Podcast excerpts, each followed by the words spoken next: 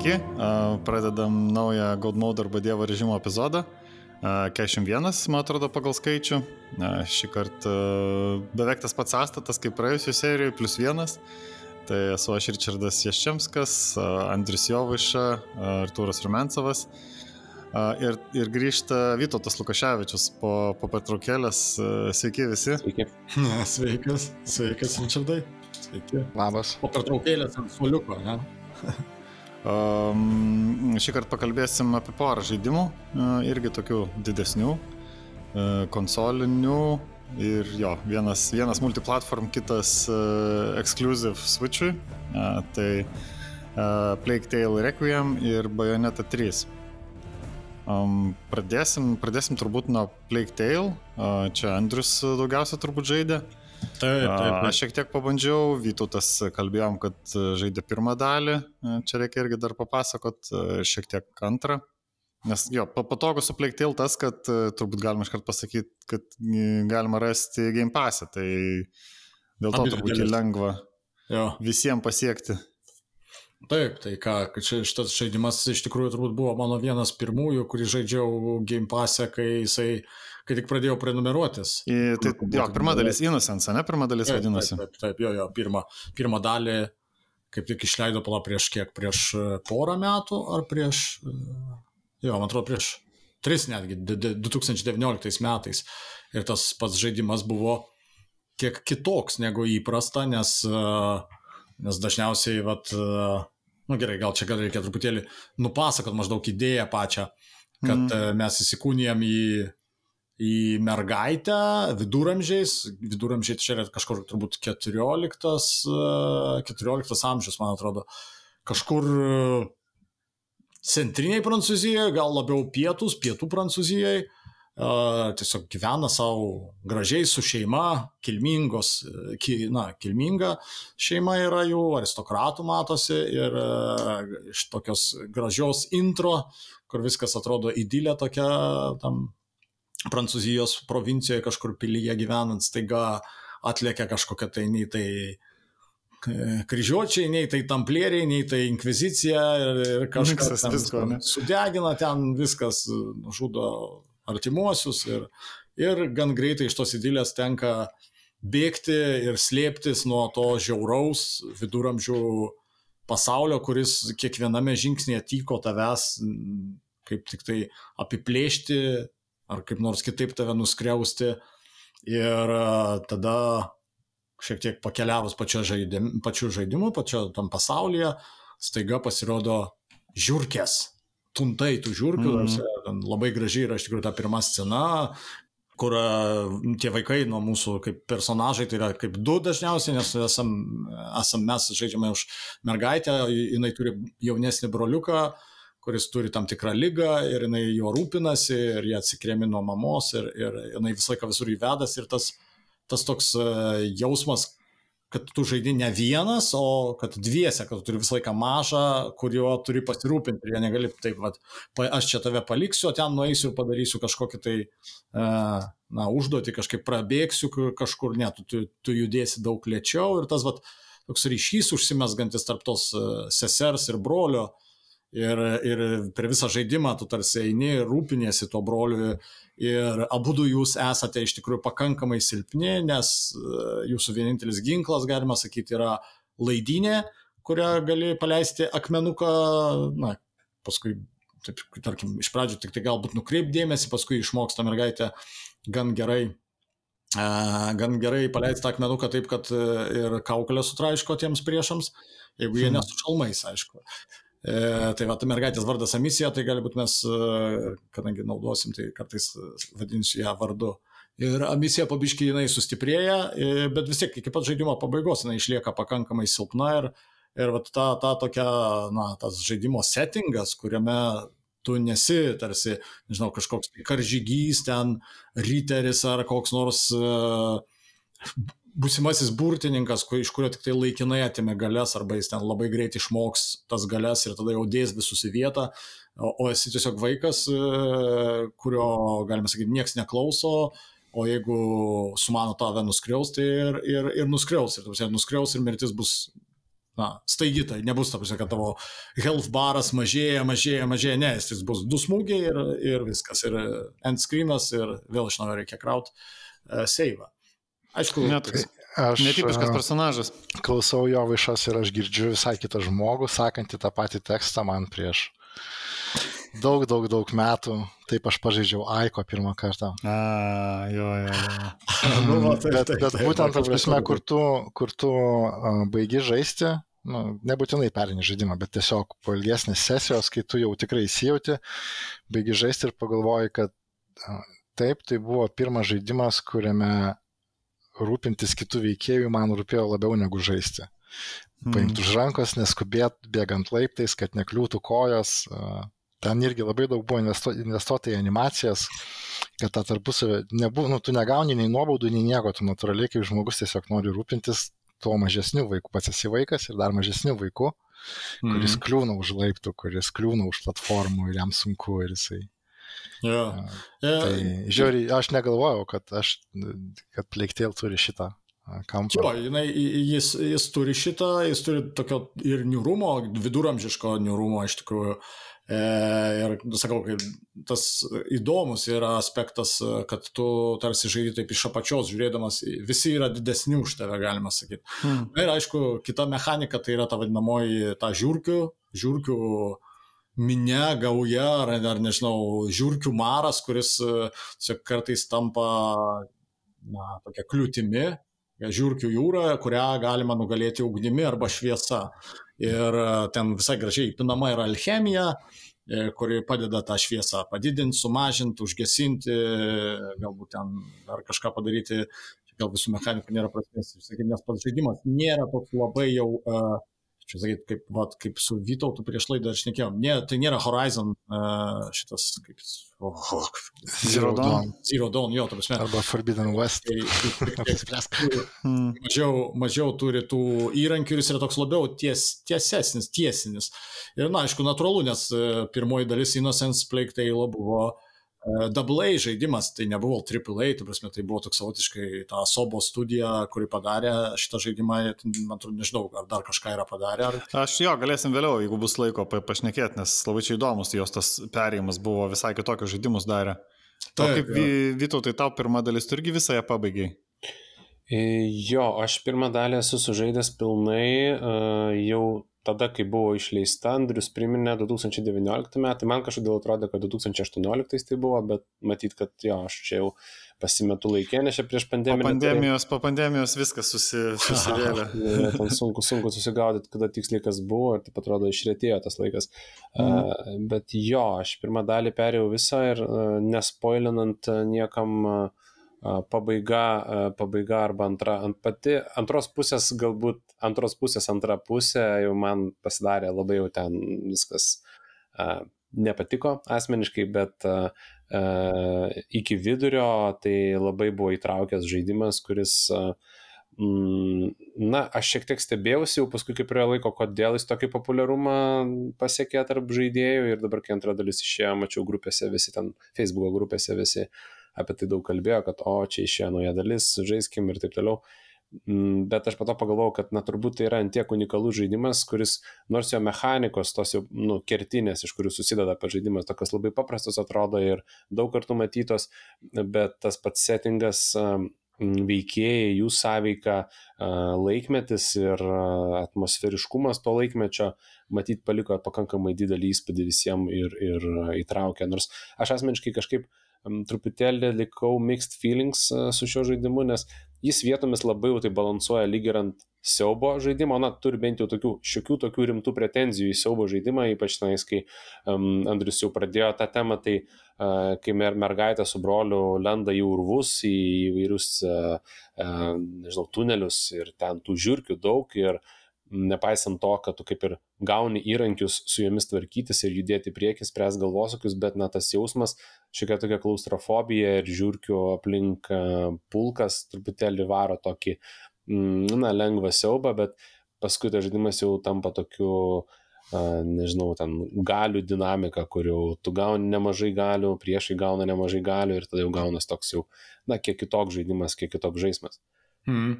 Jo, tas, tas iš tikrųjų, jo, čia gal aš gražiai labai pradėjau apie tą Ir, ir vat, ką Vytautas sakė, būtent pats settingas yra gražus ir, ir grafika, kaip 2019 metų žaidimui iš, ir būtent dvi, AA žaidimui buvo labai, labai išvaizdi ir, ir, pavyzdžiui, šiame, kai aš pradėjau žaisti, apart to, kad iš tikrųjų tu dažniausiai esi vedamas labai tiesiu tuneliu, bet aplink tą tunelį, kas nupaišyta, tai yra, nu, nesvietiškai gražu, prasme, tai yra kaip vičeris atrodo, prasme, hmm. nuo tokio panašaus įspūdžio sukuria tos vistos, visos nuo kalnų, ar ten kažkokie miškai, pievos, nu, jie tikrai idėja yra nemažai dėmesio į sukūrimą tos tokios viduramžių, tokios idylės ir versus visiškas smurtas ir žiaurumas, prasme, toks, tas, tas kontrastas ir suveikia, nes tu, tada tu gauni tą atgaivą kažkur tai, kur yra ramu ir, ir paskui patenki į, tokį į, į žiaurumo, žmonių žiaurumo spastus. Čia įdomi, tu,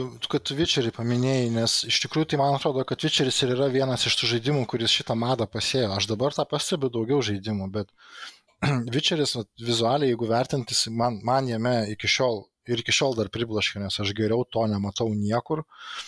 Yra tie kraštovaizdžiai, kurie, kuriuose harmonija ir chaosas, pačioj gamtoj harmonija ir chaosas dera dėl to, kad tai yra laikai dar iki gatvių, iki rimtų mhm. kelių ir visi tie šabakštynai, jie tokie atrodo neišbaigti ir nešvarūs, bet jie atrodo dėl to tikri.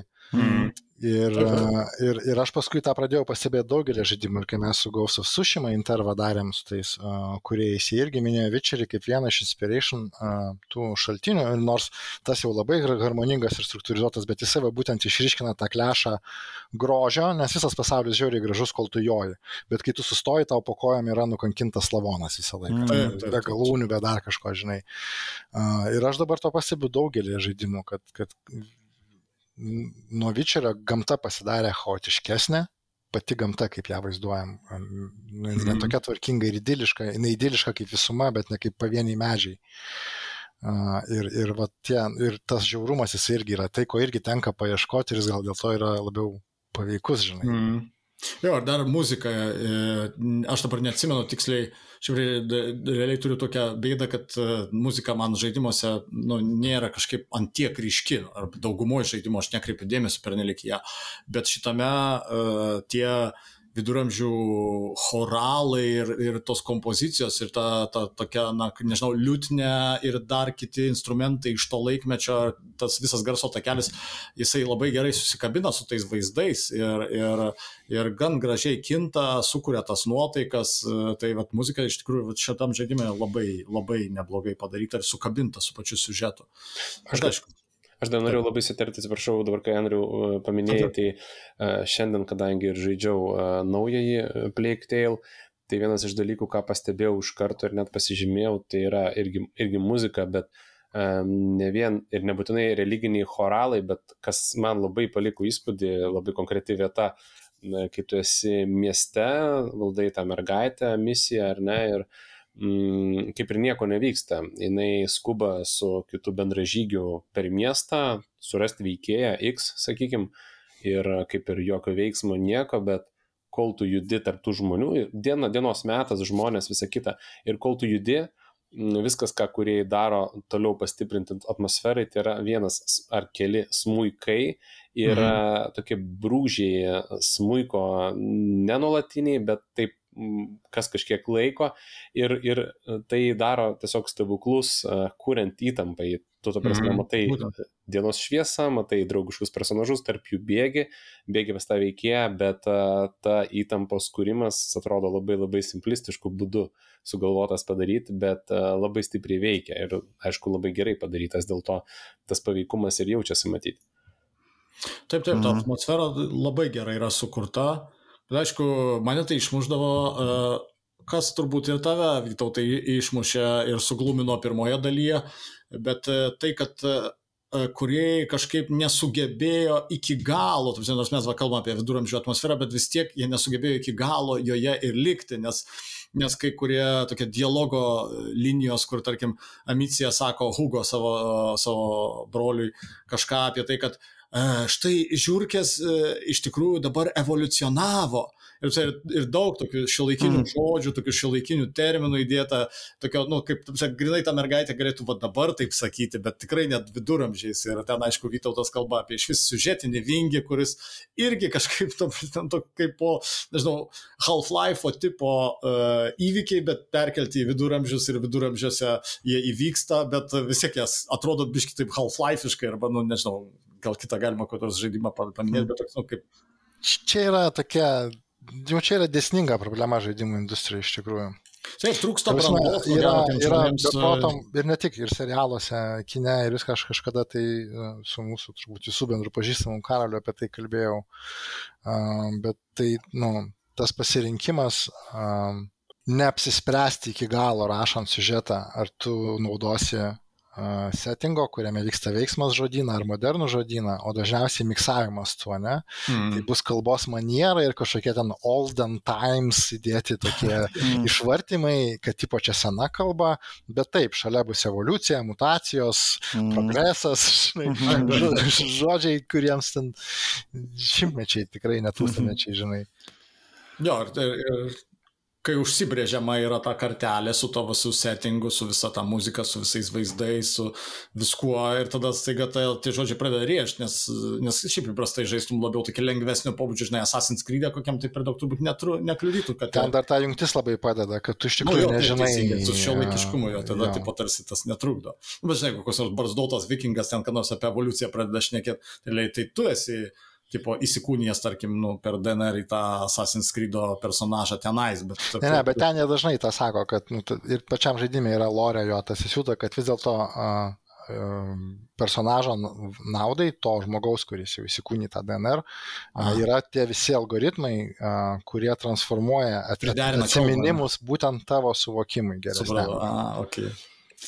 O kaip pat įspūdis e, antros tos e, rekviem dalies e, žaidus pirmą, ar pasijauti, kad kažkas naujo yra, ar kaip čia kažkur, kaž, kažkur žiūrėjau, kad sako, tiesiog padauginta x kartų tas pats, kas buvo. Šiaip tai iš tikrųjų, jo, čia mes su Vytautu turėjom prieš porą dienų tokią diskusiją e, dėl to, ar iš viso, ar to tesinio reikėjo.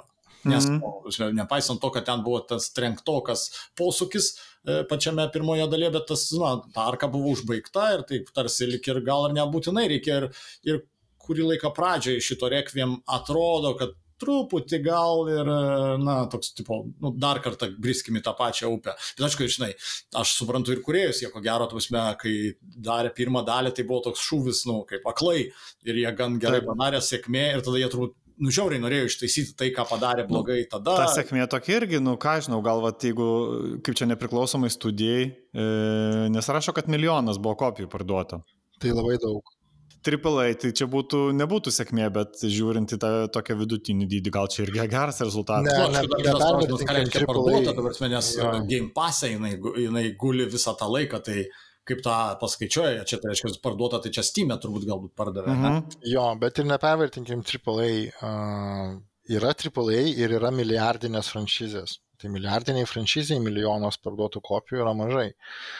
Bet nu, taip, teisingai, iš tikrųjų, nu dabar aišku, biškai jau pasikeitė laikai, bet nu, dar netaip senai iš tikrųjų milijonas buvo daug. Ir AAA nu, segmente. Tai nu, nebuvo nesėkmė. Knygų, knygų pasaulyje milijonas yra nemažai iš tikrųjų. Na, aišku, knyga yra labiau sunkiau įkandamas medija, turbūt, ja, vis tik ilga labai. Nu, bet Bet vat, kaip, Dabar kaip gerai, įdomu, tas dingo. pagrindinis aš, dalykas, aš... kur tas žiū, žiūrkių visa, kur ten nuo 5000, kaip skaičiau, pirmoji daly padidino ten turbūt iki nesuskaičiuojamo skaičiaus. Ja, ar, ar, ar, ne, ar, ar nesijaučia tas toks, um, sakau, aš kai nežaidžiau pirmos, tai man, man taip šiaip jautėsi, kad nu, per, perteklius gal ten persistengti, biškitant su tom lavinom. Matai, kad ten pirmoji dalytas yra viskas paaiškinama. Gal įdomiau, kai mažiau jų. Per tą vaiką ir per Hugo ir per tą ten nežinau, esinį makulą, kuri tipo yra ten, tipo tam, nu, ten va tas įdomus toks dalykas, kad realiai tu tam tikrą prasme jie palieka pakankamai tokios kaip ir paslapties, kas tai yra, kas, kas tas žiūrkės gimdo, tos vietos, mm -hmm. ar tai yra maras, ar dar jie, nes jie sukabina su maru, su marų tomis epidemijomis, kurios vyko. Mm -hmm. Ten apie Ro, Romos ten e, buvo Justinieno, Justinieno, man atrodo, imperatoriaus laikais buvo vienas maras ir paskui vat, būtent viduramžiais ten jų keli buvo. Tai vat, tarsi čia tam tikrose vietose tos žiūrkės, aš nežinau, man kartais atrodė, turėdavau užsimerkti, nu, tą, žinai, tą suspend my disbelief ir sakyti savo, kad, nu, gerai, bala nematė, tai yra tiesiog kažkoks force majoras, turbūt, nežinau, tai yra, nežinau, užkratas ar dar kažkas, turbūt, nes realiai tas, bet jos vis tiek antiek malonu matyti, kaip jos įėda kokį karį. Kažkaip atleidė už tai, kad jos jo, nes... nerealistiškos, nes neaišku, taip, iš kur tos žiūrkės, iš kur jų tiek daug yra. Čia, nu, tipo, tokia... Aš šiaip, šiaip kol klausau, tai aš galvoju, kad aš, nu, po laidos einu atsisiųsti, nes aš pirmą dalį tai regis net turiu, antros neturiu, bet aš kažkaip kitaip įsivaizdavau tą žaidimą, o dabar aš suprantu, kad tai yra Aiko ir Dishonored settinguose, kur sako Jovaiša kaip pitcher. Uh, viskas, ką aš mėgstu. Kodiniai žodžiai neblogi. Taip.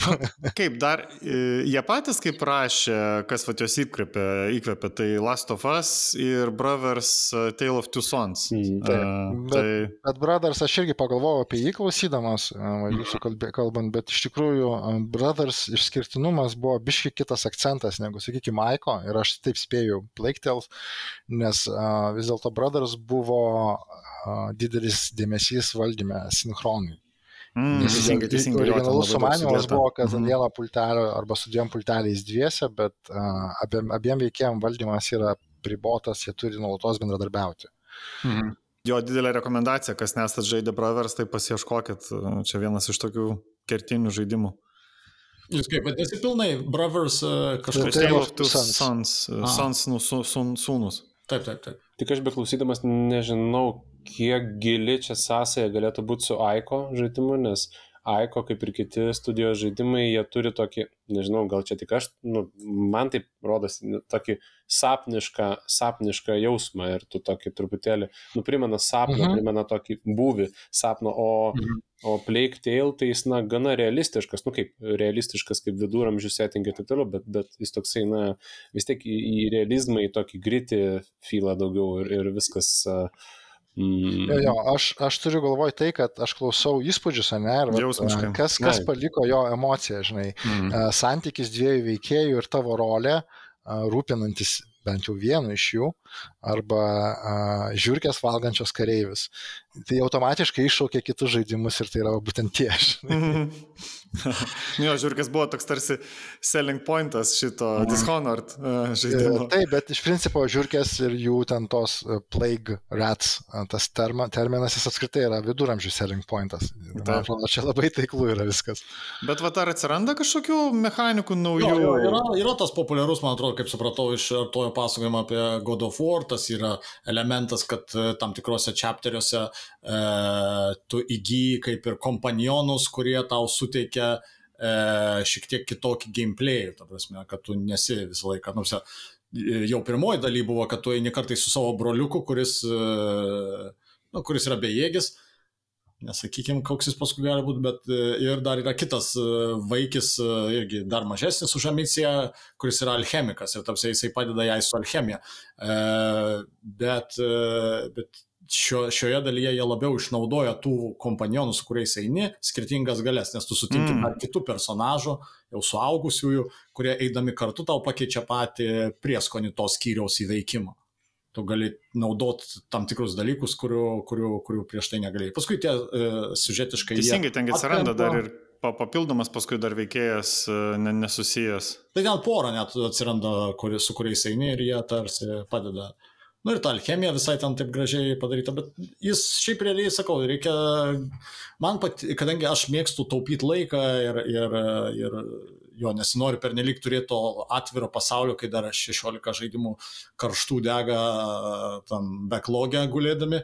Tai to vietoje man patiko tas tiesiškumas ir, kad tu negali ten per nelik klaidžioti, yra tam tikros erdvės, kuriuose tu gali, gali turėti šiek tiek laisvės ten labiau prasėlinti, labiau pasinaudoti aplinkiniais visokiais švies fakelų užgesinimais ir žiūrkiams davimu suvalgyti kareivius, ar gali juos tiesiog nusekti į, į galvą. Nu ir mirti, nu, yra tam tikra prasme tarsi trys keliai gaunasi agresijos, e, sėlinimo ir, man atrodo, alchemijos naudojimo arba išorinių tų e, kaip aplinkybių. Aplin, jo, Prie aplinkos, jo, environment. Oportunistą ten kažkaip. To, taip, taip. Jo, jo, jo, tas, tas, tos vat, įdomus, įdomus, tikrai pas, pazlai tie. Nu, pazlai, kur gali, gali jo, įtraukti kaip pazlo dalį, kaip kartu įveikti priešus ir kaip įveikti lygį. Ten nu, tikrai įdomių tų erdvinių, Nu, tai kaip kitose žaidimuose, tas būna labai išdirbta, o čia tai taip, nu, taip. Vis tik kažkaip smagiausia jos į kaktą nusekti, nes ten su tais, fakelais ten, kol nėra laiko. Bet man pasirodė įdomu ir nu, seniai galbūt to nemačiau žaidimuose, bet vėlgi gal ne tos žaidžiau, tai kad um, tavo tie skillai ir um, progresija herojaus, herojas priklauso ne nuo to, kaip tu paskirstai taškus, o nuo to realiai, kaip tu žaidi. Ir jeigu yra tie trys keliai - agresija, e, oportunizmas, oportunistiškas ir ten sėlinimo, tai e, realiai paskaičiuotas yra formulė, kur kiek tu turi nugalėti personažų, ar kiek tu turi jų išvengti nepastebėdamas, arba aplinkos naudoti um, elementus nugalėjimui priešų. Ir pagal tai tau tada progresuoja vienas ar kitas uh, sugebėjimų. Tas ne medis, o linija, ar kaip čia išskirti. Ir Iš tikrųjų, jie visi yra naudingi ir, nu, tam tikrą prasme, tu, žinai, gali žaisti į, žaisti agresyviai ir tau auks, e, atsira, atsirakinės vis, e, keli, vis e, nauji skilai agresyvaus žaidimo. Jeigu praeisi tą čapterį sėlindamas, tai atsirakins sėlinimo. Ir visi jie, nu, tikrai visai naudingi, tik tai, man atrodo, kad... Šiaip nemažai žaidimų tą, tą sistemą turi, bet tai labiau būdinga vis tiek um, RPG hybridam įvairiam. Jo, jo, bet, jo, bet va, tu vytautai žaidėjai tokį žaidimą ką tik, tai buvo God of War. Nu ne, tu vis tiek skilus tenais dėdi savo. Tai, Jo, bet jeigu tu jų nenaudoji, tu jų neapgraidini. jo, bet čia matai, tu šit, šit, Aš suprantu, ką tu sakai, mechaniškai tai yra tas pats, tik tai kaip žaidėjui yra duodamas Q, žinai. Uh, Jo, kaip šis žaidėjas yra, kaip žaidėjas yra adventure labiau informuojamas, kad yra tokia galimybė a, ir kiek jisai žino arba nežino apie tai in advance, bet mechaniškai tai yra tas pats dalykas. Tu turi įgūdžius, kurie gali būti du arba tris kartus stipresni, bet tu jų negausi, kol jų nenaudosi. Jo, tik tai čia vat neduoda jokių taškų tau paskirsti, automatiškai tiesiog yra tiesiškai. Nu, jis toks, Tai, tai sakau, dėl to ir sakau, kad šiaip tai čia RPG, nu, pakankamai Mm. būdinga. Aš turbūt, aš neatsiminčiau pavadinimų, bet a, tai yra vienas iš tų, kaip sakyt, a, vienas iš tų tipų RPG mechanikų, kurį aš labiausiai mėgstu. Tai tokių Mhm. žaidimų tikrai yra buvę. E, Ir tas e, dar vat, vienas iš aspektas, kurį prisiminiau, tai kad, e, vat, kai sakėt, tam tikrą prasme įkvėpė, įkvėpė Last of Us. Ir man kažkaip keliose vietose aš lik ir taip ir, ir šūktelėjau mintise savo, kad va, kaip turėjo daryti antrą Last of Us. Prasme, nu, ne, nesakau, kad visas žaidimas toks yra, bet turiu minį, kad kai kurie momentai, kurie buvo Last of Us, nuobodesni ar, ar e, labiau tokie, kartais atrodo, kad paleista viskas e, iš rankų, tiesiog, nu, more of the same. Tai šitoje vietoje atrodė, nu, ryškesni. Bet čia, aišku, priklauso nuo pačių tų personažų, kuriuos sutinki, nes kai kuriuose vietose ten buvo gražiai padarytas toks kontrastas. Priešas ir paskui tenka tau su juo varyti ir tada tenka apžaidinėti, nekesti jo, bet tuo pačiu tu turi su juo būti ir tada atsiranda tokie įdomesnių santykio emocijų, kaip po tokių, žinai, spalvų, kurios nėra tokios įprastos. O aš dar Andriu vieną klausimą tau turiu, nu, kaip, kaip pažaidęs naujojo Plague Tale uh, kelis chapterius pirmus ir uh, šviežiai visiškai ir uh, pastebėjau tokį triuką, kurie jau naudoja, na, aš taip įvardinau savo gal čia kaip triuką ir norėjau šį paklausti, uh, ar tu tą pastebėjai ir ar tai žaidimo eigoje, per kiek ten, nežinau, turbūt 16 kokių chapterių didelių yra, ar, ar tas kartojasi dalykas, ar, ar jie kažkokius kitokius triukus naudoja. Ir mano, mano mintyje yra tai, kad e, kai pradedi žaisti šį žaidimą, viskas taip, žinai, gražu, drugeliai ir kurie sąmoningai e, daro tokius, nežinau, žaismo elementus pradžiai, kurie taip truputėlį tave, na, apglėbia, e, viskas taip truputėlį juokais, truputėlį tokios šilumos ir mm. tas santykis tarp veikėjų toks šiltas, jaukus, ar ne, ir po to taip labai labai labai staigiai, e, praktiškai mm, neriant žemyn galvą į vandenį, e, tamsu, brutalu, greita ir truputėlį net nesiorientuot pradedi tam tikrom vietom, bet specialiai čia kuriejų toksai. Ir po to antrą kartą vėl e, tave truputėlį nuramina, įveda vėl į tempą ir po to vėl staiga praktiškai per keletą sekundžių visiškai tokį brutalų ir tau reikia ir mėti akmenis į galvas ir taip toliau, taip toliau ir viskas taip labai staigiai. Taip, taip. Jo, ir tai čia jau tas triukas ir yra, kaip ir tas, vad, Tale Innocence pirmoji daly, kur sakau, tu esi įdylė ir paskui staiga iš kažkur atsiranda inkvizicija ir viskas dega pleška, visi hmm. nužudyti, ta prasme. Ir, ir dabar yra panašus, tik tai žinoma, tu jau žinai, tu, tu dabar tave du kartus prigavo, bet jau trečią kartą tu nebe prisigauni, tu, tu trečią kartą jau su liūdėsiu žvelgiai tas idilės, idiliškas pievas, kur ten prieina po medžiu, randa, randa kažkokią tai gėlę arba paukščio plunksną ir tam Hugo įsega į atlapą tą paukščio plunksną, nu čia toks kaip vienas iš tų renkamų tokių dalykų, kuriuos renki vardan achievemento, bet irgi gražiai apžaista yra, arba ten kažkokia įvyksta situacija ir ta situacija yra užrašoma į tavo knygą jeigu visas surenki, tai vėlgi gauni achievementą. Tai Tai ir tokiu būdu jie, vat, e, nu, tas vat, idilės, e, tokį, tada daugiau duoda liūdėsio, jau tu nebe, nebe išsigasti to, to, to siaubo, kuris, į kurį tu neri, bet, e, nu, mažiau išsigasti, bet tada ta idilė tampa tokia elegiška, tokia tarsi, nu, šaldžia rūkštė, ta prasme, tu žinai, kad dabar fainai, bet tai yra tik tai polisis prieš kitas kažkokias baisybės, kurių, kurių laukia. Ir aišku, paskui santykis tarp brolio ir sesers, ten, nu, sakau, jie, toks vaizdas visą laiką, jie atrasi, jie čiūčiut bando išaukti iš tų marškinėlių to tokio mažesnio žaidimo ir galėtų ten gerai pavystyti, nes kai kuriuose vietose yra tokios vietos, kur, kur uh, E, tos, toks klausimas pradeda kilti, o kodėl iš viso aš čia darau, gal man reikėtų visiškai kitaip žaisti, gal man reikėtų nežudyti, nedidinti tos, to smurto visoje aplinkoje ir tas žaidimas pradeda kažkokius tai nuorodas rodyti, aš net kažkurio momentu galvoju, kad yra kelios pabaigos, bet man atrodo, kad nėra jokių kelių pabaigų, nu turiu priklausomai nuo to, kaip tu žaidži, kaip vėl tas pats Dishonored, tu prasme, kad kaip tu žaisi, taip ir pabaigsi paskui. Tai aš tik tai pabaigai tiesiog tokį paprastą klausimą. Tai nes klausant, tai be abejo, kai klausai to apie tokį žaidimą, tai kaip sakiau, iš karto iškyla paveikslai kitų žaidimų, bet vis dėlto jisai mechaniškai, tai jisai koks yra jos lengstis, prieinamumas, nes šiaip tai skamba lyg ir kaip žaidimas kurtas plačiam žaidėjų ratui E, nepaisant jų patirties. Aš sunku šiaip įvertinti, nes, nes man atrodo, kad aš nesu labai, labai skillful ir aš šiaip nemėgstu sėlinimo žaidimų, nes, nu, tiesiog aš neturiu kantrybės, aš dažniausiai vis tiek išsitraukiu tą miniganą ir paskui... Aš dažniausiai mano tas toksai kriterijus yra, žinai, ypač jeigu žaidimas turi tokį emocinį užtaisą, kuris, nu, kažkuria prasme ir kinematografinis yra, nu, pagal tai, kaip, nu, jeigu mes žaidimus vartojam, kad žaisti, o kiną, kad vat, emocijų gauti, įspūdžių.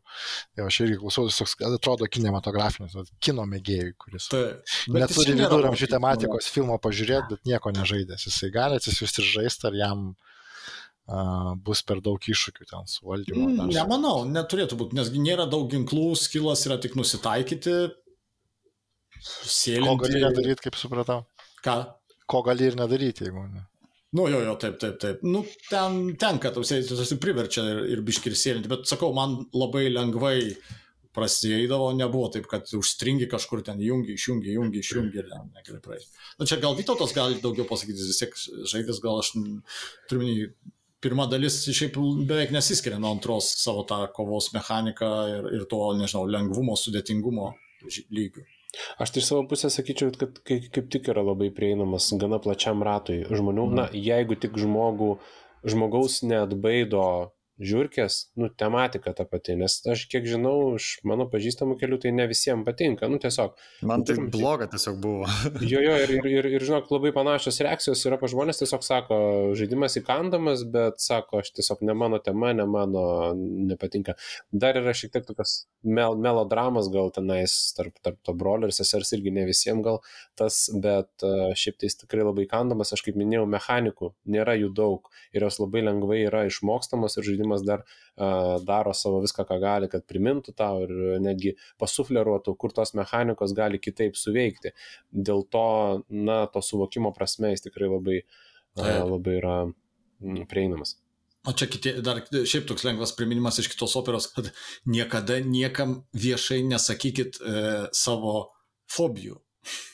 Hmm. 5904, jo, nes tai bus panaudota. Tos pačios žiūrkės, aišku.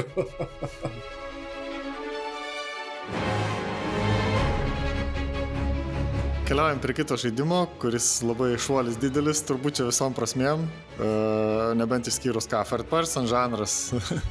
E, tai Bajoneta 3, um, čia Artūras su Vytautu žaidė, e, nes čia jo, čia, čia reikia pasakyti, kad Switch'o, e, išskirtinai Switch'o, o šita dalis, čia Taip. turbūt irgi įdomu bus sužinoti, kodėl taip toks sprendimas. kad Nintendo yra leidėjas. Jo. Mhm. O ankstesnės... Bajoneta 2 lygiai Pat- taip pat kaip ir trečia. Irgi Nintendo. dirbo kartu. A, tai net ir antra buvo tik, Taip. tik Nintendo. Taip. Ok, aš galvojau, kad abi dvi jos ankstesnės buvo multiplatform. Bet aš esu žaidęs e, ant PlayStation 3, man atrodo. Pirmą. Pirmą. Tai Pirmą. pirmą pačią, jo. Pirma buvo a, ant kelių konsolių išleista, antra tik ant pačios nesėkmingiausios Nintendo konsolės, o trečia ant pačios sėkmingiausios. A, nesėkmingiausia turi galvoje Wii Vijų. Jų, tai Ai, va dėl ko man taip jinai išsitrynus iš atminties. taip. Tai papasakokit, kas e, šiek tiek aišku ir apie pačią seriją turbūt reikėtų, apie pačią idėją, nes jinai tokia, nu, ne visai standartinė ir jo, ir tada ka- kaip, kaip jinai toliau vystosi trečiam žaidime. Vyto, tai tu gal e, paprastai, paprastai mėgsti apie senes istorijas papasakot apie serijas. Jo, aš labai mėgstu istorijas ir, ir ypatingai gal bajoneta šitoje vietoje yra brangus man žaidimas iš tos pusės, kad uh, jos kuriejas yra kitos mano labai mėgstamos serijos e, pradininkas ar ne Devil May Cry. Tai uh, Mm, mhm. žaidimas yra būtent šito kuriejo ir uh, na, jau taip uh, nuo pirmo Devil May Cry galbūt uh, prasukant rodiklės į priekį. Uh, bajoneta svarbus ir tuo, kad tai jau buvo Jeigu aš neklystu, Artūrai pataisyk e, Platinum Games, kai pradėjo šią studiją, tai Bayonetta, taip pat ir Vanquish buvo du tokie vieni pirmųjų žaidimų, kurie išėjo ir buvo svarbus, e, na, tuo, kad kuriejas kaip ir išeina su naujų rūbų, naujų žaidimų, e, bet visiems žinomas jau yra pakankamai. Tai Bajoneta labai daug šiaip kortų sumaišė, nes daug dalykų, daug dalykų buvo tam žaidime galbūt ne visai kaip kokie, kokie, kokie galėtų būti įprasti, ar ne, ypač žaidusiam Devil May Cry, kitus Capcom žaidimus, sakykime, kurie buvo prieš tai, tai uh, Bayonetta buvo pagrindinė veikėja moteris, taip pat labai uh, stipri, daug galių turinti ir netgi lengva būdiška, per nelik vietomis. Uh, ir daug tokių buvo niuansų, kurie tuo metu leidėjui atrodė galbūt neprimtini ir čia aš tikrai tą buvau pasiskaitęs, kad uh, nenorėjo, tarkim, leidėjas, kad bajoneta būtų su akiniais, nešiotų akinius tiesiog, mm. o, o kurie sakė, ne, būtinai turi būti tik, tik taip, kaip, kaip Geras. sugalvota. Kiekvienam savo fetišai, žinau. ir, ir čia nepasigyčiusi. Aš gerai, kurie viziją apgina. Tai va, tai ta, ta herojė tokia tapo, na, na kultinė, sakykime, žaidimų, ne, ne tiek gal plačiai žinoma, bet, bet šiaip plačiai žinoma dabar šiame, šiame etape, bet labai, na, išskirtinė tiek savo bruožais, nes na vis tiek nebuvo turbūt dar tokio žaidimo, kur tu valdytum apskritai raganą, kuri savo arsenalę gali išsikviesti demonus, o kovotų prieš angelus, sakykime. Tai labai tas... Ne, vakaruose tai būtų šventvagiška ir uždrausta. Čia vienas tų momentų, kai tik japonai tokius žaidimus gali daryti iš principo. Tas pats Devil May Cry irgi.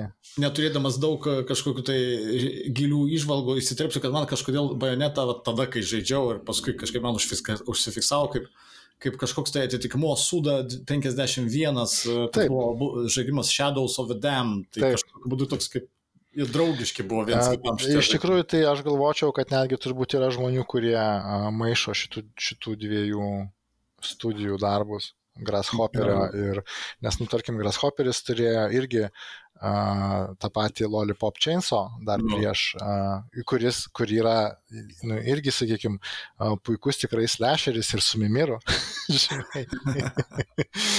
ir, ir, ir, ir, nu, aš sutinku su Vytauto vertinimu, kad Bayonetta buvo pirmas žaidimas, kuris pastatė Platinum Game ant kažkokio piedestalo, bet tai turbūt galioja, per Bayonetos prizmę tai turbūt galioja būtent plačią žaidėjų auditoriją dėl to, kad a, tai, kaip buvo pristatytas žaidimas ir ten tas įėjimas su paskelbimų pačioj pradžioj, kad ant bajonetos vien sėdmenys yra 6000 poligonų, jeigu neklystu, tuo metu buvo. Tai patraukia kitokios kategorijos dėmesį ir apskritai suformuoja visą naratyvą, kaip apie žaidimą bus kalbama. Ir, ir be abejo, jisai buvo viešinamas ant skandalo. Nu, skandalo gal didelio ir nebuvo, bet skandalo, ant provokacijos, nežinau kaip tai pavadinti. Uh, nusispjaunant iš tikrųjų viską dėl to, nu, tai ką Vytautas sako, kad jinai yra ragana ir jinai gali įsikviesti demonus, bet jos magija yra plaukų magija ir kai jinai naudoja magiją, plaukai yra naudojami magijai, jinai visai kai yra noga. E, tu to nematai, aišku, ekrane, nes tu tą demoną matai, bet, bet kai jinai atvirtinėja iš to demono atgal į save, tu akimirką spėjai pamatyti, kad jinai buvo visiškai noga. Ir, nu, šitie visi niuansai, jie, jie mm, apipina tą žaidimą kitokio lygio diskusijom ir jisai pritraukia tą masinį dėmesį. Bet aš galvoju, kad šiaip Platinum Games vos nuo pirmo žaidimo save ant žemėlapio padėjo tų žmonių, kurie mėgsta, sakykim, taip, tos extraordinary arba unusual žaidimus, neįprastus. Tai jų pirmas žaidimas buvo Mad World, irgi mm. Nintendo mm. sistemai. Jis buvo pakankamai nurautas kaip ir filmas. Tai to paties pavadinimo filmo. Bet kaip įdomi, kad vat, Nintendo pasirašė exclusive deal, va tokio atrodo, nu, ne family friendly. Mane tai irgi beprotas stebina, jeigu atvirai, aš nežinau, iš tikrųjų būtų įdomu, gal net yra kur nors istorijos tų vidinių. Tai visiškai nėra Nintendo kategorijos žaidimas, absoliučiai ne. Ir, ir atrodytų, kad viskas, kas jame yra, yra prieš Nintendo, prieš tai, ką, ką Nintendo bando iš savęs padaryti istoriškai. Antra vertus, istoriškai Nintendo ir nori būti ta konsolė, kuri nėra tik tai Mario konsolė. Tai čia gali būti grinai tas įėjimas, kai aš noriu tokio šokiruojančio žaidimo, kad niekas nesakytų, kad mano renginys yra tik vaikams. Hmm. Aš čia pritariu ir netgi skaičiau, kad uh, prieš išeinant Bayonetta 2 žaidimai Wii U konsolėje, tai nemažai buvo tų fanų jau užkėtėjusių nuo, pirmo, nuo pirmos dalies, kurie iš tikrųjų, nu, kur, kurie pirkosi U realiai tik dėl vieno žaidimo, nes... Taip, aš vienas iš jų. Ir, ir aš taip pat. ir aš taip pat. E, tai tie fanai nerimavo, kad e, ta bajoneta jau nebebus tokia, kaip buvo, tai tai yra, jinai bus žymiai, kaip pasakyti, labiau cenzuruota, bus mažiau tų, tokių... Jo, ir, ir, ir kad, na, tai tikrai praras tą dvasę to pirmos dalies, kurią turėjo, bet Uh, bet kai viskas baigėsi, tai tikrai, na, žaidimas bent jau man tai yra lengvesnis tikrai, bet visa kita yra tikrai panašiam lygiai, lygyje. Tiek ta pati personažė, tiek jos įgarsinimas, tiek kiti veikėjai yra tikrai on par, labai šiaip per daug nenutolsta ir netgi um, ką aš skaičiau, kad iš pradžių nors Nintendo nenorėjo, bet kuriejai turėjo tokį norą, kad kai jau perini žaidimą ir žaidėjai ten antrą, trečią, entąjį kartą galėtum atsarkinti kostiumus ir kostiumai būtų uh, įkvėpti Nintendo, būtent Nintendo žaidimų kaip Star Fox, Mario ir taip toliau. Ir Nintendo iš pradžių na, nelabai norėjo seksualizuoti kostiumų, nes na, juos nešioja pati bajonetą. bet taip seksualizuoti. Bet paskui nuėjo į PH ir sako, ai, viskas jau yra padaryta. nu, Ta, nes, nes galiausiai tai yra tie kostiumai ir, ir tikrai na, maksimaliai, maksimaliai nutolę nuo Nintendo įprastų kostiumų pateikimo. Tai uh, smagu tai, kad ne tik, uh, ne, tik, ne tik leido palaikyti visą tą, nu, kaip sakyti, pirminę bajonetos na, mintį, bet ir, ir kostiumų tos pridėjo, tai, na, tiem, kas žaidė, turėjo būti smagu. Ir dar ką aš labai norėčiau pridėti, kad pirma bajoneta ir e, antroji bajoneta bent jau man yra toks, e, na, buvo iki šiol bent jau tokia tobula duologija, nes pirmas žaidimas e, kai pasibaigia ir antras prasideda ir kai tu pabaigi antrą pilnai, supranti, kad antroji dalis taip bent jau sužetiškai ir veikėjų prasme taip beveik tobulai vedrudinių principų atspindi pirmą ir kaip viena baigėsi, kita prasideda ir baigėsi, toks gaunasi toks ratas, nenoriu per daug čia mm. kažkokių spoilerių užuomenų pateikti, bet labai toks fainas jausmas pabaigus antrąją dalį ir prieš tai žaidžiant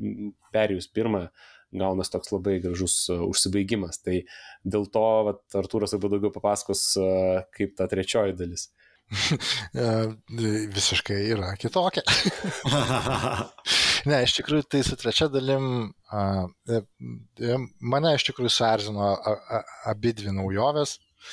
Pirma naujovė tai yra Bajoneta visiškai neria į tą multiverse temą, kuri gal žaidimuose dar ne ypač išplėtota, bet jau ten kinė ir animacijoje tai yra pakankamai karštas trendas. Ir ypatingai, nu, tarp, tarp, tarp kuriejų, kurie, tar, sakykime, valdo senus prekės ženklus, ne, kaip jūs ten, grubiai šnekant, jau tiek Marvelis, ne, tiek DC, tarkim, kažkuria prasme jie būdų yra savotiški multiversai, kur tos pačios arkos atgimsta vis naujose visatose. Tai Bajonet irgi ima šitą kampą, nu, kas aišku yra didžiulis privalumas, nes žaidimas yra visiškai išvaduotas laikė ir erdvėjai. Pasaulio egzistuoja begalybė, kiekviena iš jų turi unikalią bajonetą, bet kiekvienas iš jų progresavo pagal savo istorijos tiekmę. Tai tarkim, ten Kinijoje, kai lankaisi, ten jie yra tik tai didžiąją kinų sieną pasistatę ir ten daugiau šis nieko nepamatai tam, tam, tam pasaulyje. Kiti pasauliai panašus į modernius, kiti labiau maginiai. Ir bajonetą dažniausiai visą laiką irgi kažkaip atspindi ten tą, tą nuotaiką. Bet uh, kitas kampas yra, kad tavo priešai nebėra angelai. Tai yra kažkokia tai nauja va, tų visų visatų, uh, kažkoks tai kosminis protas, aš šį taip vadinu, uh, kuris gali keliauti tarptų visatų ir jos siekia jas visas sunaikinti, palikti vieną alfa universe, o, o visas kitas sunaikinti ir mes trūdom jam tą daryti ir jisai ten nuolatos kūrė priešus. Nu, tai vėlgi priešo dizainas, jisai yra labai būdingas bajonetai ir tie neangelai labai primena angelus, bet tuo pačiu metu uh, nesuprantu nei kam to reikėjo. Iš pradžių pagalvojau, kad gal tiesiog norėjo atsiriboti nuo religinio motyvo, uh, nes jam buvo daug neapykantos tiem angelam. Bet uh, angelai žaidime tebėra, juos vis dar gali žudyti, jeigu auksą nori. Tai, tai nežinau, kodėl negalėjo likti angelai ir nesuprantu, kodėl. Gal tiksliau ir suprantu tada, kodėl visi ten, ne visi, bet labai daug užsienio kritikų rašo apžvalgas ir visi rašo, kad bajonet yra ragana ir jinai žudo angelus, kai šitam žaidime per pirmas dešimt minučių tau dešimt kartų pasako, kad čia ne angelai. tai va, tai tai man tie abu šitie vingiai galbūt jie man nepatiko. Ir, ir visumoji pirma galbūt žaidimo valanda ar dvi buvo tokios, kur aš galvoju, kad gal aš ir bereikalo laukiu ir tikėjausi, ir tai jau nebėra bajoneta, arba tai nebėra ta bajoneta, kuri man patiko, bet, bet per kurį laiką jinai, taip sakant, atgauna savo šarmą, viskas su ja gerai, tą bajonetą, kuri patinka ir, ir, ir, ir įvairovės prasme. Gal čia šnekėjom ką tik tai apie kitą žaidimą ir ten sakėm, kad visi daug yra milžinų ir visai žiūri iš apačios, čia irgi dažniausiai žiūri iš apačios dėl kitų priežasčių. ir vienas momentas ir kad daug veikėjų, tai čia tų veikėjų irgi yra, valdomų yra trys, du iš jų yra Bajoneta ir Viola, abi dvi raganos, bet jos mechaniškai yra visiškai skirtingos, bajoneta yra tokia, kokia buvo visada, o viola yra, jinai naudoja kardą kovoj ir dėl to ten, nu, visas kovos, sakykime, kaip kova, jinai primena Devil May Cry arba God of War, su kuo nori galima lyginti, tai yra slasheris. Ir dauguma tų slasherių turi kažkokią mechaniką, kaip sakyta, vadinamą pergalę užtikrinančią mechaniką. Kažkur tai bus blokas, kažkur bus peri, kažkur bus kontratakos.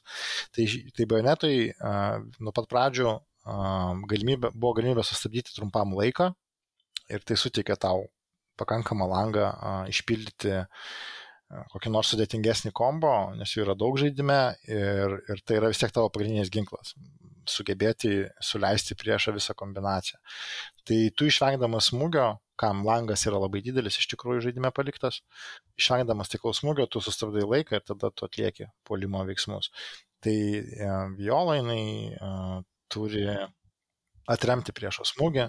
Ir va čia buvo ta didžiausia problema, nes žaidimas mėgsta atitrauktą kamerą. Nu, tarkim, yra arena kovos, kartais tu matai uh, veikėjus visiškai didelius kaip Mortal Kombat, kokį žaisdamas, jie du per ekraną kapojasi, bet kartais kamera gali atsitraukti į labai didelę perspektyvą, kai veikėjai sumažėja iki skrusdėlės vos nedydžio. Uh, ir vis tiek tom sąlygom kartais tenka tau panaudoti perį, uh, vadovaujantis tik tai garsu, ten tas laikas mažas paliktas. Man buvo labai sunku persijunginėti tarptų dviejų ir man šitas sprendimas irgi nepatiko, nors aš jį galbūt galiu suprasti.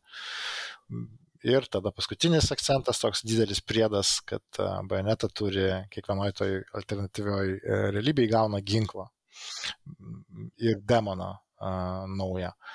Ir esmė tame, kad ginklas pakeičia viską, kas yra už bazinio atakų ribos. Tai yra planetą smogia kumščiu, spyrė koją ir šauna pistoletu taip pat kaip visada, bet visos kombinacijos, jų pauzės, jų trukmė, jų mygtukai keičiasi priklausomai nuo to, kokį ginklą naudoja. Taip pat ir super smūgiai, ir savybės, ir demonai. Tai techniškai yra viena bajoneta, bet realiai ten jų arti dešimt ir kai kurios iš jų yra labai skirtingos, kai kurios iš jų tik tai galvosakiam galbūt sugalvotos, kad spręs galvosakius galėtum panaudodamas, tai kitos gali būti panaudotos ir kovoje. Ir aš galvoju, kad vat, Vytautas sakė, lengvesnis šitas žaidimas, vat, viena pagrindinių priežasčių, kodėl jis yra lengvesnis, tai tas milžiniškas tų bajonetų kiekis, kuris leidžia tau tiesiog, jeigu kažkur tau sunkiau kažkas yra, padaryti pauzę, pasikeisti ginklus, pabandyti kitą bajonetą ir dažniausiai iš antro arba iš trečio karto rasi tokią, su kuria tai, kas ką tik buvo sunku, bus labai labai lengva, nu, be jokių pastangų tu įveiksi. Tai tas irgi šiek tiek suerzino, nes um, tikroji meilės bajonetai priežastis tai buvo labai panaši tam, ką aš minėjau, kalbėdamas apie God of War praeitą kartą, tai e, tas gebėjimas pačiam evoliucionuoti tame, kaip, kaip tu kovoji, kaip tu įvaldai įvaldai kovos sistemas, kaip tu jas išnaudoji.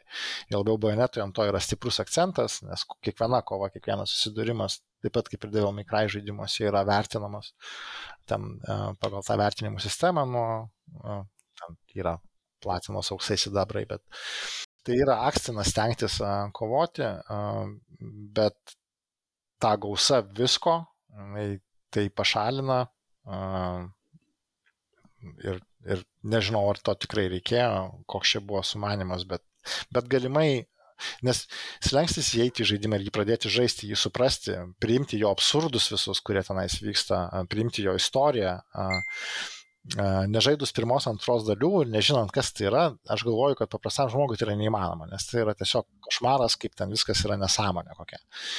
Um, tai, tai ir kuriai patys tarsi reflektavo, kad tai mes vis tiek galbūt daugiau, su trečia dalim daugiau dėmesio skiriam jau serijos fanam ir būtų gerai, kad žmonės, kurie pirks trečią dalį, būtų žaidę pirmas dvi. Tas jaučiasi, nes nėra apmokymų, nėra palaikymų už rankos ir tada tiesiog gale dienos iškyla tas pats klausimas, o tai kam reikėjo iš taip lengvinti koks to tikslas. Jeigu suprasti pačiom pirmom minutėm ar ten pirmą valandą ar pusantros, suprasti žaidimą man buvo taip pat sunku, kaip būtų sunku tam, kuris gyvenime nieko panašaus nėra žaidęs, bet paskui man visiškai nereikia dėti jokių pastangų, kad progresuoti žaidimu kas yra neįprasta, nes Bayonetta buvo iš tų žaidimų, kuris turėdavo lygius ir bosus, prie kurių galėdavai praleisti dieną ar dvi. O čia... Aha. Štir praėjai. Viskas. Aš tik minėjau, okay. kad lengvesnis, tai turėjau minį uh, antrąją dalį, nes uh, antroji buvo lengvesnė, bet, bet kaip dabar suprantu iš to, ką pasakėjai, kad uh, šita reiškia dar lengvesnė arba vos ne. Taip, šita yra nesulygina lengvesnė, sakau, išskyrus sekas su viola, kurios tikrai yra sunkios. Dėl to, kad tai yra mechaniškai kitoks žaidimas, o tu, sakykime, tam, žinai, muscle memory, refleksų lygmenį, tu jau esi rašęs vieną dinamiką čia vat įdomus kampas yra. Aš e, dažnai šiaip žaidimus, tokius kovos veiksmų žaidimus, dažnai nu, gretinu su šokiu. Nes dažniausiai yra tam tikros kombinacijos sekos, animacijų pauzės, kurios pažaidus valandą ar dvi sukuria ritmo jausmą galvoje ir tu tiesiog sėki to ritmu. Tai bajoneta, jinai apskritai, kai kviečia demonus, kai kovoja ir naudoja stiprius smūgius, jinai šoka, jinai viską daro šokių ritmu e, ir jinai šoka vizualiai tu ekrane, ją matai šokančią dažnai. Tos idėjos labai viena kitą papildo ir tu įeini į bajonetos šokio ritmą, kuris nuo pirmos dalies vangiai be kito, jisai jaučiasi, jis yra natūralus tau. Pažaidži pusvalandį, apsipranti ir toliau jau tau nebereikia galvoti apie tai, ką tu darai. O, o, o tos kitos raganos ritmas yra absoliučiai kitas. Jis yra jauna pankė ir ten viskas kitaip. Aš dar du dalykus labai norėjau įterpti. Vienas tai toks labai paprastas techninis, kad minėjai, nu, kaip pirmoji daly bajoneta žudo angelus, bet antrojoje daly buvo įdomumas tas, kad jinai pradeda žudyti ir demonus ir tas buvo labai taip e, labai aiškiai išreikšta ir su nuostaba, nes, na, demonai yra šiaip jos sąjungininkai, tai tas buvo šiftas labai toks, na, juntamas. Tai čia, matyt, kurie irgi ieškojo būdo kažkokį dar, dar na, kaip up, upvesteiks yra tokia frazė, tai kažkaip dar labiau padidinti. Dar ir, vat, Dabar jinai žudo viską, kas juda. Tai va, ir, ir neaišku, ar, ar, ar nepaslydo šitoje vietoje kuriejai, o kitas dalykas, kurį labai norėjau dar paakcentuoti, tai kad, na, šis žaidimas, kaip ir turbūt kuriejai to norėjo išvengti leidėjai, bet prasidėjo su tam tikrų skandalu, jisai gal nebuvo taip labai labai išbujojęs, bet pakankamai, nes Facebookas mirgėjo bent jau tos grupės, kuriuose aš esu. Ir tas skandalas susijęs, na, šiaip yra skaudokas, nes susijęs su pagrindinė aktorė, a, tiksliau jos gar, garsinto, nu kaip aktorė, ir yra aktorė, bet garsina pagrindinė veikėja, bajoneta. Ir pirmoji ir antroji daly tai buvo Helena Taylor.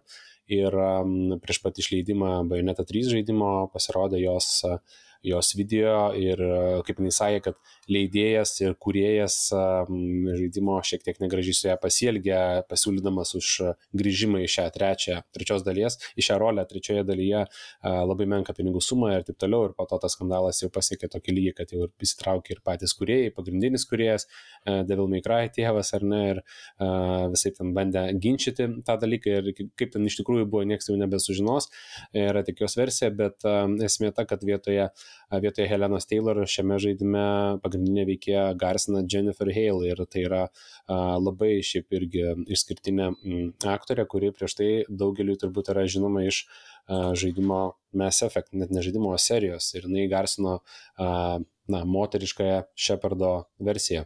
Ir daugeliu tai yra kaip ir pagrindinis pasirinkimas žaidžiant šį žaidimą. Tai patirties ir, ir žinomumo jinai tikrai turėjo, bet mano beefas galbūt šitoje vietoje, nu, tai buvo viena iš tokių priežasčių, kur aš jau tikrai nekantravau įsijungti žaidimą, kad aš, na, išgirščiau, tai kaipgi skamba naujoji bajoneta, nes daugelis fanų yra pripra, pripratę, jinai kalba ir, ir visas tas jos kaip pasakyti, e, vaidinimas ar ne, tai na, jis toks pakankamai išskirtinis ir uh, turi tokį išskirtinumą, tai nėra bet koks veikėjas, ar ne, kurį labai lengva, e, vis tiek tu turi tą charakterį taikyti. Ir ką aš pastebėjau, bent jau kiek jau žaidžiau žaidimą, kokias, na, keturias valandas ar ne, tai aš pastebėjau tokį keistą, keistą tendenciją, kad lyg ir Jennifer Hale bando ne daryti savo bajonetą, bet daryti savo Helenos Taylor impersonation, tarsi, na, e, padaryti geriausią tos prieš tai pusius bajonetos versiją ir kai tu tą girdi arba ar tau pasigirsta, ar girdi ir tas labai tokį keistą sukuria jausmą, nes atrodo, kad, na,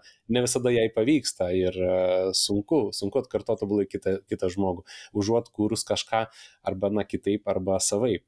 Aš sakyčiau, kad čia gali būti ir kitas kampas, kaip buvo pažiūrėta į šitą problemą, e, nes jeigu mes kalbėtume apie bajonetos kalbėjimo manierą, toną ir kokius jinai pasirenka žodžius, e, tai sakykime, e, erotinio pobūdžio kine, tai būtų tokia dominuojanti mokytoja, dominuojanti įmonės vadovė, Čia tie akiniai eina iš karto. Kuri, aš manau, kad, tarsi, čia, tarsi, nu, viskas aišku, su sakiniais.